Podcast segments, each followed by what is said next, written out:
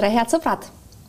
küll tahaksin mina teile täna öelda, et minu vastas istub või lamab Nikolai Ossipenko minu poolest kasvõi tükki sama voodiga, aga pole parata, sellist õnne mul tänases saates ei ole, tema asemel on stuudios Eduard Odinets, Riigikogu liige, Kohtla-Järve linnavolikogulane, juba rohkem kui kakskümmend viis aastat Sotsiaaldemokraatliku Erakonna peasekretär, tere tulemast! tervist!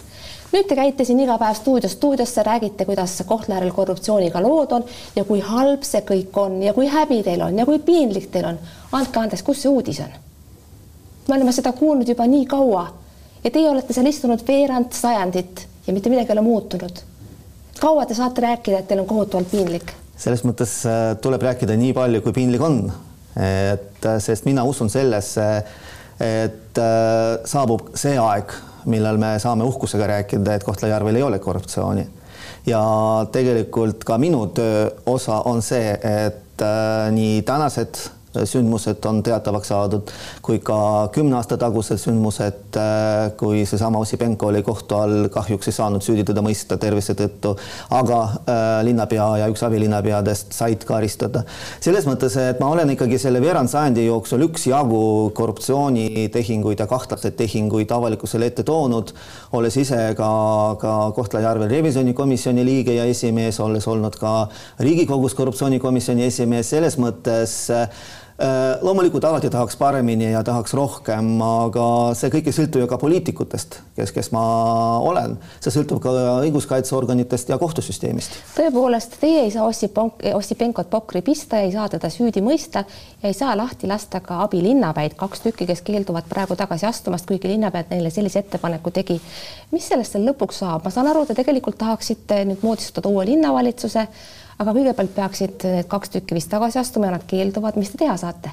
no selles mõttes äh, abilinnapeade või linnapea või kogu linnavalitsuse tagasiastumine on tegelikult volikogu kätes ja me praegu volikogu liikmetena tegeleme sellega, et kutsuda kokku erakorraline äh, volikogu istung ja algatada umbusaldus ja äh, loodetavasti siis järgmisel istungil juba ka hääletada selle umbusalduse poolt või vastu, sõltub siis iga saadiku südametunnistusest. meie loodame, et meil see õnnestub ja me saame tuua linna juhtimise juurde äh, teisi inimesi, mitte neid, kes on seotud selle korruptsiooniskandaaliga no kui seda matemaatikat seal vaadata, kohalik matemaatika võib-olla ei ole meie saate kõigi kuulajatele selge, aga noh, vähemasti ajakirjandusest leiab sellised arvutused, et matemaatika näitab, et ilma pättideta seal ei saa teha linnavalitsust no,. Te ise teate ju seda ei, päris nii ma nõus ei ole, vähemalt äh, fraktsioon, mida mina juhin kohalikus omavalitsuse volikogus, sotsiaaldemokraatide fraktsioon äh,, seal ma ei näe pätte. Ja, ja loodetavasti ei ole neid ka nendest inimestest, kes moodustavad praegu Keskerakonna fraktsiooni.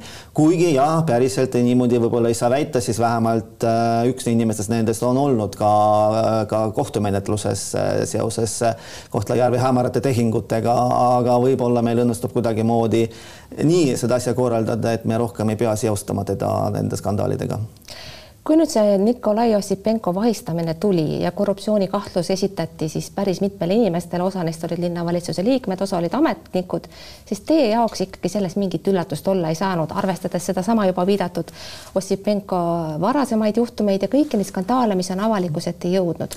ometi tundub, et ühiskond oleks, oleks justkui, justkui šoki saanud või siin oleks nagu mingisugune uudis. Teie jaoks seda ju ei ole? tegelikult oli üllatus üllatus oli, et see on nii suuremahaline, suuremahuline äh, kinni, kinnipidamine ja et sellesse skeemi äh, praeguse siis politsei arvates on niivõrd palju inimesi kaasatud.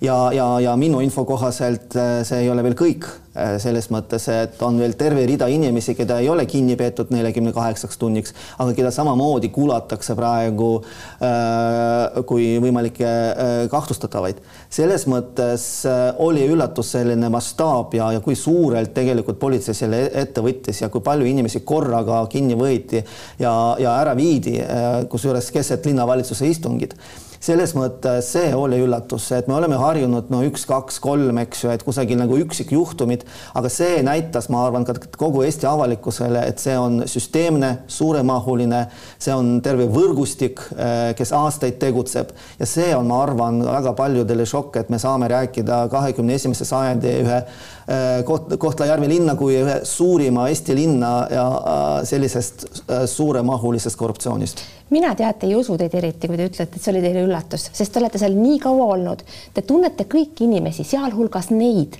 kes Ossipenkol peost söövad ja tema voodiserval istumas käivad kas te oskate selgitada, millel see fenomen õieti võiks põhineda? no me teame, et, et Ossipenkol on tervis kehv ja see on ka põhjus, miks teda pole suudetud kunagi nagu vahele võtta ja ka praegu see vahi alla võtmine jäi lühiajaliseks, et kindlasti noh, täiesti suur on võimalus, et ta pääseb ka seekord puhaste paberitega nagu varem. aga need inimesed, kes tal peost söövad, teie ju tunnete neid tunnen, tunnen millel, kõiki. millel see fenomen põhineb? tunnen kõiki, tunnen äh, isiklikult ja aastaid, et noh, see fenomen, eks no kuidas eesti keeles öeldakse, käsi peseb kätt, eks ju, või kõik on keele, kõigile võlgu, kõik on kõigest sõltuvad, seal on läbi põimunud äh, isiklikud, perekondlikud, äh, ärilised suhted ettevõtete kaudu, sugulaste, meeste-naiste kaudu, selles mõttes, et see on noh, see on terve võrgustik, mis toimetab ja, ja millest välja saada on jube keeruline. ma olen kunagi lugenud mingit raamatut, mis kirjeldab äh, Sitsiilia maffia neid sidemeid, võrgustikku, kuidas see üks nagu isa seal on, eks ju, äh, ja, ja, ja kuidas kõik nagu teda kummardavad ja kuidas sellest süsteemist ükskord välja saada, kui sa oled juba sinna sisse sattunud, on ülimalt oluline, äh, ülimalt keeruline, aga oluline ka tegelikult. et selles mõttes ja, ja ma tõin väga-väga täpselt neid paralleele ka Kohtla-Järve linnaga ja tegelikult poole Ida-Virumaaga, sest Ossipenko need sidemed ja võrgustik ei ole ainult Kohtla-Järve Kohtla-Järvel. tema ise ju tegutseb tegelikult Jõhvi vallas, eks ju, juba ma ei tea, üle kümne aasta vallavolikogu liikmena kordagi kohal ei ole käinud, aga rahvas ikka hääletab tema poolt, eks ju. aga miks, miks hääletab? Sest ilmselt äh, korruptsioon üldse ei huvita siis kohalikke elanikke või nad ei loe lehti või nad ei ole kursis või nad ei taha teada ilmselt inimesed äh, hetke ajendil äh, alludes mingile reklaamile, mingitele lubadustele, mingitele tegudele lihtsalt, lihtsalt hääletavad. aga kui me jälle vaatame seda kohal käimist kohalikel valimistel, on ju Ida-Virumaal kõige väiksem osalusprotsent ja Kohtla-Järvel veel väiksem. ehk siis ikkagi ei huvita? ei huvita selles mõttes, et inimesed on pettunud. inimesed näevad, eks ju, käid sa valimas, ei käi sa valimas. vahet pole samad inimesed võimul samamoodi, eks ju, miski nagu ei arene, miski ei toimu ja nii edasi. ei idane ega mädane. ja siin ma tunnustan näiteks Jõhvi valda, kellel oli seda julgust äh, äh, viimasel talvel ikka Ossipenko lepingutest ära öelda. Neil oli väga keeruline. aga pidid... Kohtla-Järvel seda ei olnud. Kohtla-Järvel seda ei olnud kuigi, eks ju, noh, me teame neid lugusid, ma ise korraldasin meeleavaldust lausa linnapea akna all, eks ju, sest meil ei veeta prügi välja lihtsalt nädalate kaupa. Ja miks ei veeta prügi, sellepärast et prügiauto ei pääse konteineritele ligi, sest lumi ei ole lükatud aga kes lükkab lund? lund lükkab Ossipenko, prügi veab Ossipenko, prügila kulub Ossipenkole. see võiks ju inimestele korda minna aga inimesed võib-olla ei jälgi lihtsalt seda, ei saa aru, kui me vaatame näiteks ka äh, kohaliku ajalehe näiteks tellimusnumbrid, eks ju, et, et nad ka nagu ei ole väga kõrged, eks ju. Ossipenko annab oma isikliku ajalehe välja, eks ju, mis on tasuta inimestel postkastis, kus ilutseb igas numbris esikaanel Ossipenko või tema, äh, tema head sõbrad. kõik artiklid räägivad Ossipenkost ja kuidas ta arendab linna, kuidas ta korraldab üritusi. isegi eelmisel nädalal, kui oli juba kõik see toimunud, eks ju, ilmus artikkel, kuidas eakate päeva puhul tervitati äh, saali täis, eks ju, eakaid inimesi ja üritust korraldas Ossipenko laval kõlas Ossipenko videotervitus, eks ju, laval seisid needsamad kohe-kohe pärast seda vangi saadetud äh, abilinnapead ja see ongi süsteem, eks ju. see kõlab nagu mingisugune halb film või kuri unenägu. muide, ma vahel mõtlen selle peale, et äh, mina ei ole seda Ossipenkot mitte elu sees oma silmaga näinud, kas teie olete? ei ole kusjuures. ei ole? ei, ei ole kordagi kohtunud niimoodi, et on ta oleks... ikka päriselt tulemas? Äh, väidetavalt on. Selles mõttes, et nagu te ütlesite ise ka, eks ju, on terve rida inimesi, kes käivad tema voodi ääres, eks ju, instruktsioone saamas ja infot jagamas. aga millel see, kuidas see ikkagi niimoodi töötab, et ma saan aru, inimene on aastaid juba voodihaige. Ja noh, olgem ausad, piltide pealt vaadates ta ei jäta eriti õnneliku inimese muljet, milleks talle kõik see? no ilmselt juba ka selline ka harjumus, eks. Ju, harjumus saama, mida sa tahad, harjumus valitseda ja see ongi võib-olla ka see, eks ju, et kui sa nagu oled liikumisvõimetu, eks ju, sa oled haige, aga sul aju ikka töötab, eks ju. ja sa võib-olla sa kompenseeridki nagu sellise aju tegevuse, selle äritegevusega, sellise mõju, mõju, mõjuga kauplemisega äh, äh, kõike seda, mida sa ei ole saanud nagu tavaelus, eks ju, nautida. et mingi selline asi võib-olla. aga kas kõik need, kes tema voodiserva peal seal käivad, kas nende jaoks nad on, on ta lihtsalt selline toiduahela pealik, kohalik isak, tsaar, ma ei tea, mis kõik need võimalikud sõnad seal oleksid või on tal ka mingi mingisugune moraalne autoriteet, kuidas teile tundub? no moraalse autoriteedi poole pealt ma ei ole päris kindel, eks ju, et aga pigem see, mis te nimetasite selleks äh, tsaariks või, või juhiks, eks ju, see on see inimene, kellest sa sõltud.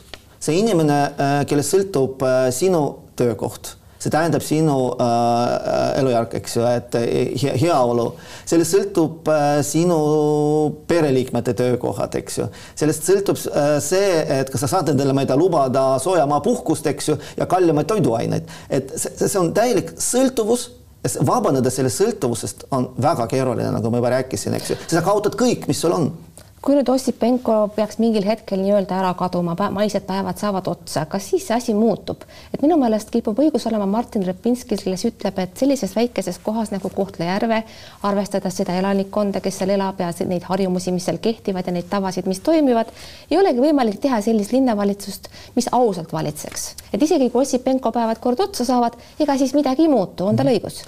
ei ole, mina ei ole Martiniga nõus ja Martin selle koha pealt võiks natukene vähem rääkida. ma, on... ma igaks juhuks ütlen, et tema, temale kuulub ainult see, see ütlus, et äritegevust ja poliitikat sellises kohas ei saa lahul hoida. Ossipanko maiste päevade lõppemise võimalusele viitasin mina. ja selles mõttes ma ei ole nõus sellise, sellise ütluste, ütlusega, sellise loogikaga. vaatame, Eestis on seitsekümmend üheksa omavalitsust ja on oluliselt väiksemaid kui Jõhvi vald või, või Kohtla-Järve linn.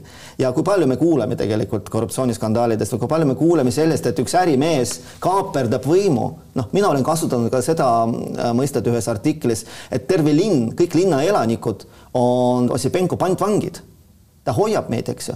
Aga aga, aga see ei ole igal pool niimoodi, on võimalik ausat poliitikat teha, on võimalik olla aus ärimees ja selle kõrval olla aus kohalik poliitik et võita ausalt riigihanked, mitte ehitada oma impeeriumi üles äh, vassitud äh, riigihangetes varastatud rahadega ja nii edasi, see kõik on võimalik.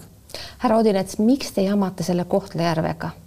see on, te olete pidanud kakskümmend viis aastat seda võitlust, see võitlus on olnud seal ei ole kuulsusrikkaid momente, midagi ei ole muutunud, asi on läinud ainult hullemaks. Te võiksite võtta oma riigikogulase palka, istuda oma põhiseaduskomisjonis, teha oma peasekretäri tööd. miks teil, miks teil vaja on jamada selle Kohtla-Järvega?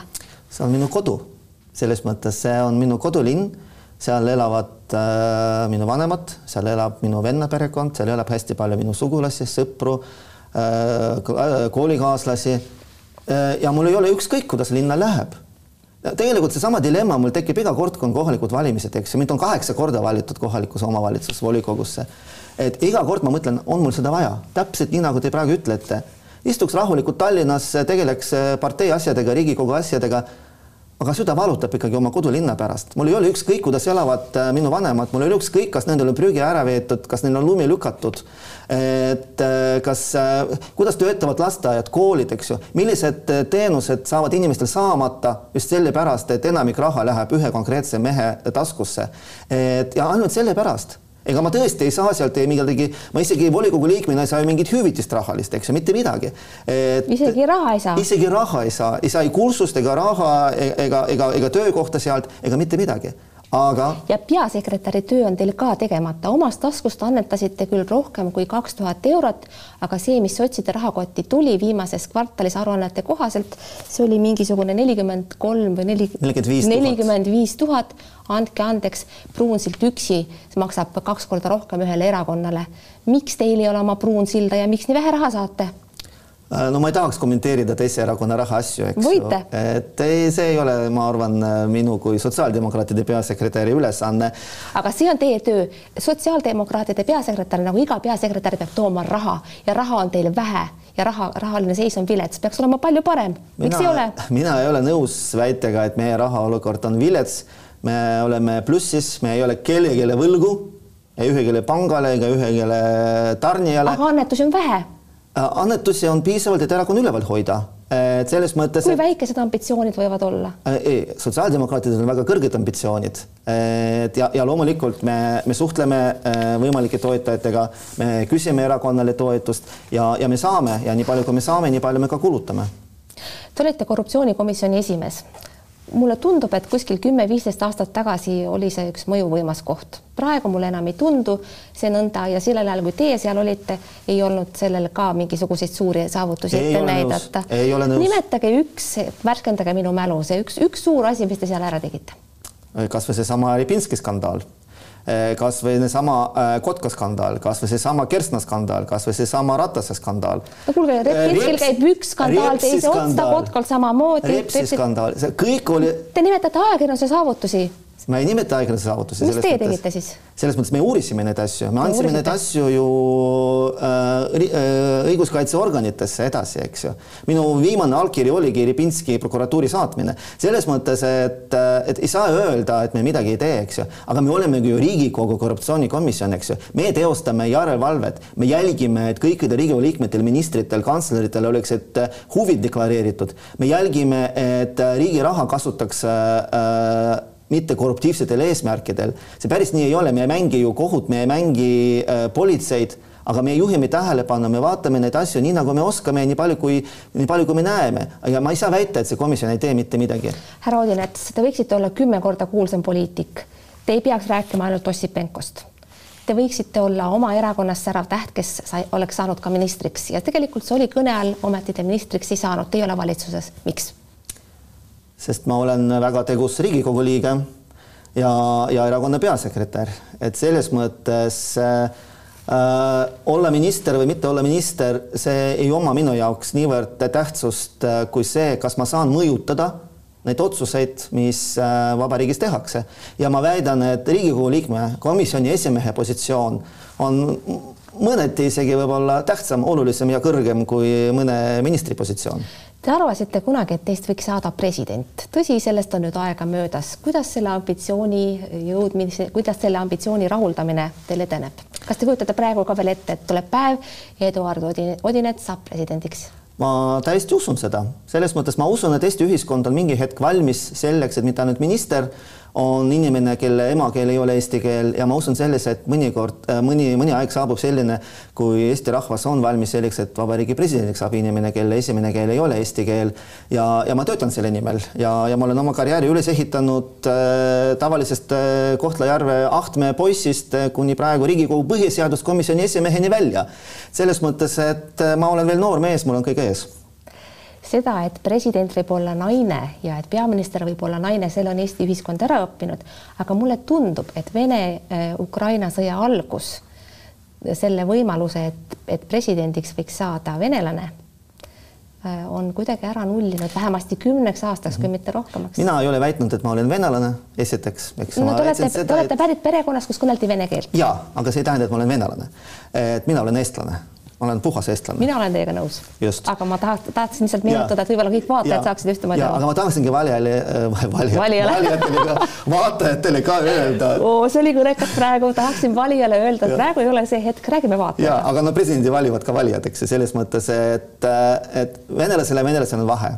Vene keelt kõneleval inimesel ja vene keelt kõneleval inimesel on vahe et ja ma usun, et äh, nii minu kui päris mitme minu venekeelse kolleegi tegevus ka selle sõja ajal on näidanud, et, et me oleme mõnikord ka suurimad patrioodid, Eesti patrioodid kui mõni eestlane tõepoolest, ma olen teiega täiesti nõus, et eest, et iga venelane võib olla eestlane ja vastupidi ka, kui ta soovib ja tahab.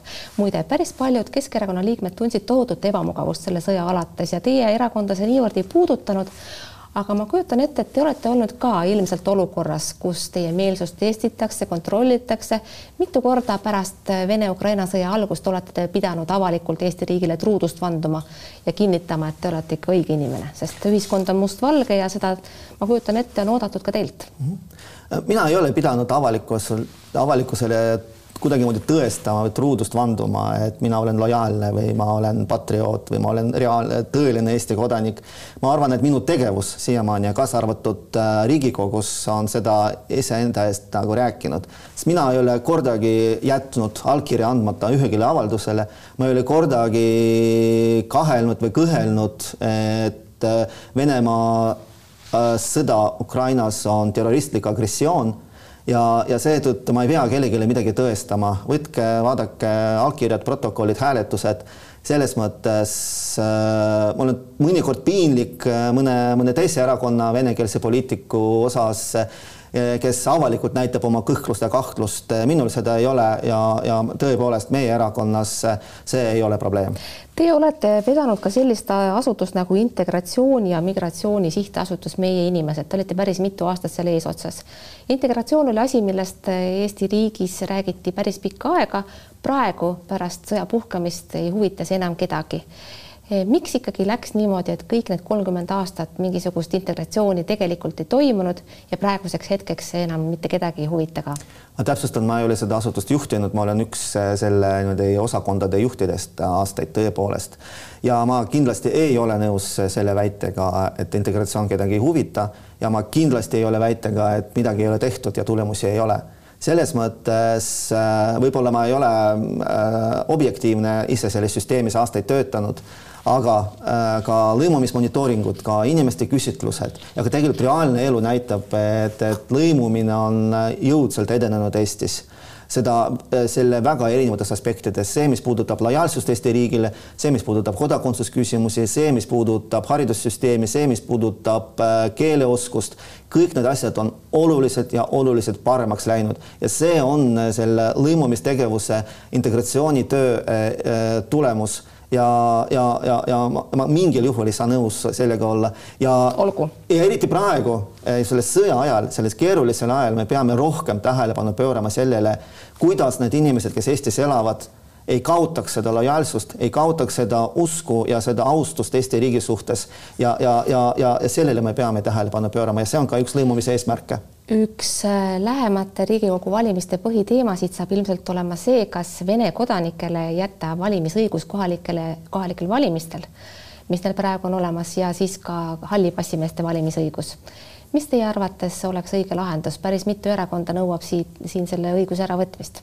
nii mina isiklikult kui, kui minu erakond, me oleme korduvalt öelnud, et äh, me hetkel ei pea ei peaks tegelema selle küsimusega, selle hääletamisõigusega valimistel, mis toimuvad nelja aasta pärast või kolme aasta pärast. ma pean tegelikult silmas juba kevadisi Riigikogu valimisi. ei, aga see ei puuduta neid valimisi, selles mõttes. kindlasti ei puuduta, aga sellest see, tehakse teema, seda jaa, ma pean silmas. aga see teema realiseerub äh, isegi, ma ei tea, pärast järgmisi Riigikogu valimisi. selles mõttes, et äh, minu jaoks see on äh, pisut selline teema, mida tuuaksegi nagu valimiseelsesse konflikti ja üritatakse sellega tegeleda, aga see tegelikult ei ole teema, aga Äh, hetkeseisuga praeguses diskussioonis mina ei toeta äh, välismaalastelt hääletamisõiguse äravõtmist kohalikel valimistel, sest mina arvan, et kohalikel valimistel äh, õigus otsustada kohaliku elu üle peaks olema kõikidel inimestel, kes seal elavad, nii täpselt nagu ütleb ka meie põhiseadus härra Odinets, lõpetuseks saadet kokku võtma hakates ja üsna lühidalt. Te ei ole tegelikult eh, kogu aeg Sotsiaaldemokraatlikku Erakonda kuulunud, ükskord te astusite, siis astusite välja, siis oli päris pikk paus ja siis astusite uuesti ja need ametikohad, mida te vahepeal pidasite, tegelikult ei eeldanud erakonnast väljaastumist. et miks te, miks te astusite siis välja niimoodi ja jälle uuesti sisse, miks seda vaja oli? ausalt no,? muidugi ausalt, milleks ma teid kutsusin siia siis selleks olid isiklikud põhjused ja isiklikud konfliktid erakonna sees, aga ma olen need enda jaoks äh, ületanud, ära unustanud, sellega leppinud ja, ja olen edasi jätkuvalt äh, sotsiaaldemokraat. kas te peate silmas tülliminekut Urve Paloga omal ajal, kui te tema nõunik olite või oli seal konflikte ja tülisid rohkem? Äh, need olid erinevad põhjused, miks ma ei pidanud enam võimalikuks erakonda kuuluda. et Urve Palo oli, Urve Paloga tüli oli üks ja siis veel mõned teised neid põhjuseid oli erinevaid paistab, et rohkem midagi ei tule. täitsa lõpetuseks, te olete õppinud äh, ülikoolis äh, tegelikult õpetajaks, te võiksite õpetada eesti keelt äh, võõrkeelena. Te ei ole seda päevagi teinud, miks? ma ei ole seda kunagi teinud, ma olen küll õpetanud tulevasi eesti keele õpetajaid, samamoodi ülikoolis loengud andnud. et ei tulnud selles mõttes sellist võimalust, et mul olid alati olnud sellised töökohad, kus ma sain neid teadmisi realiseerida. samamoodi selles integratsioonis sihtasutuses, kus ma juhtisin eesti keele õppeprogramme, eks ju. hiljem Kultuuriministeeriumis töötades ma samamoodi tegelesin eesti keele õppe korraldamise küsimustega. ma kogu aeg rakendasin neid, neid teadmisi ja oskusi, mis mul ülikoolist antud, aga mitte küll tavapärases, tavapärases koolis, aga küll tuleb ka see aeg kunagi. siis, kui teie poliitiline karjäär läbi saab ilmselt küll Eduard Odinets, ma tänan teid selle vestluse eest, head sõbrad, aitäh, et te vaatasite. järgmine saade on juba järgmisel nädalal, vahepeal elage hästi, olge terved, kuulmiseni ja nägemiseni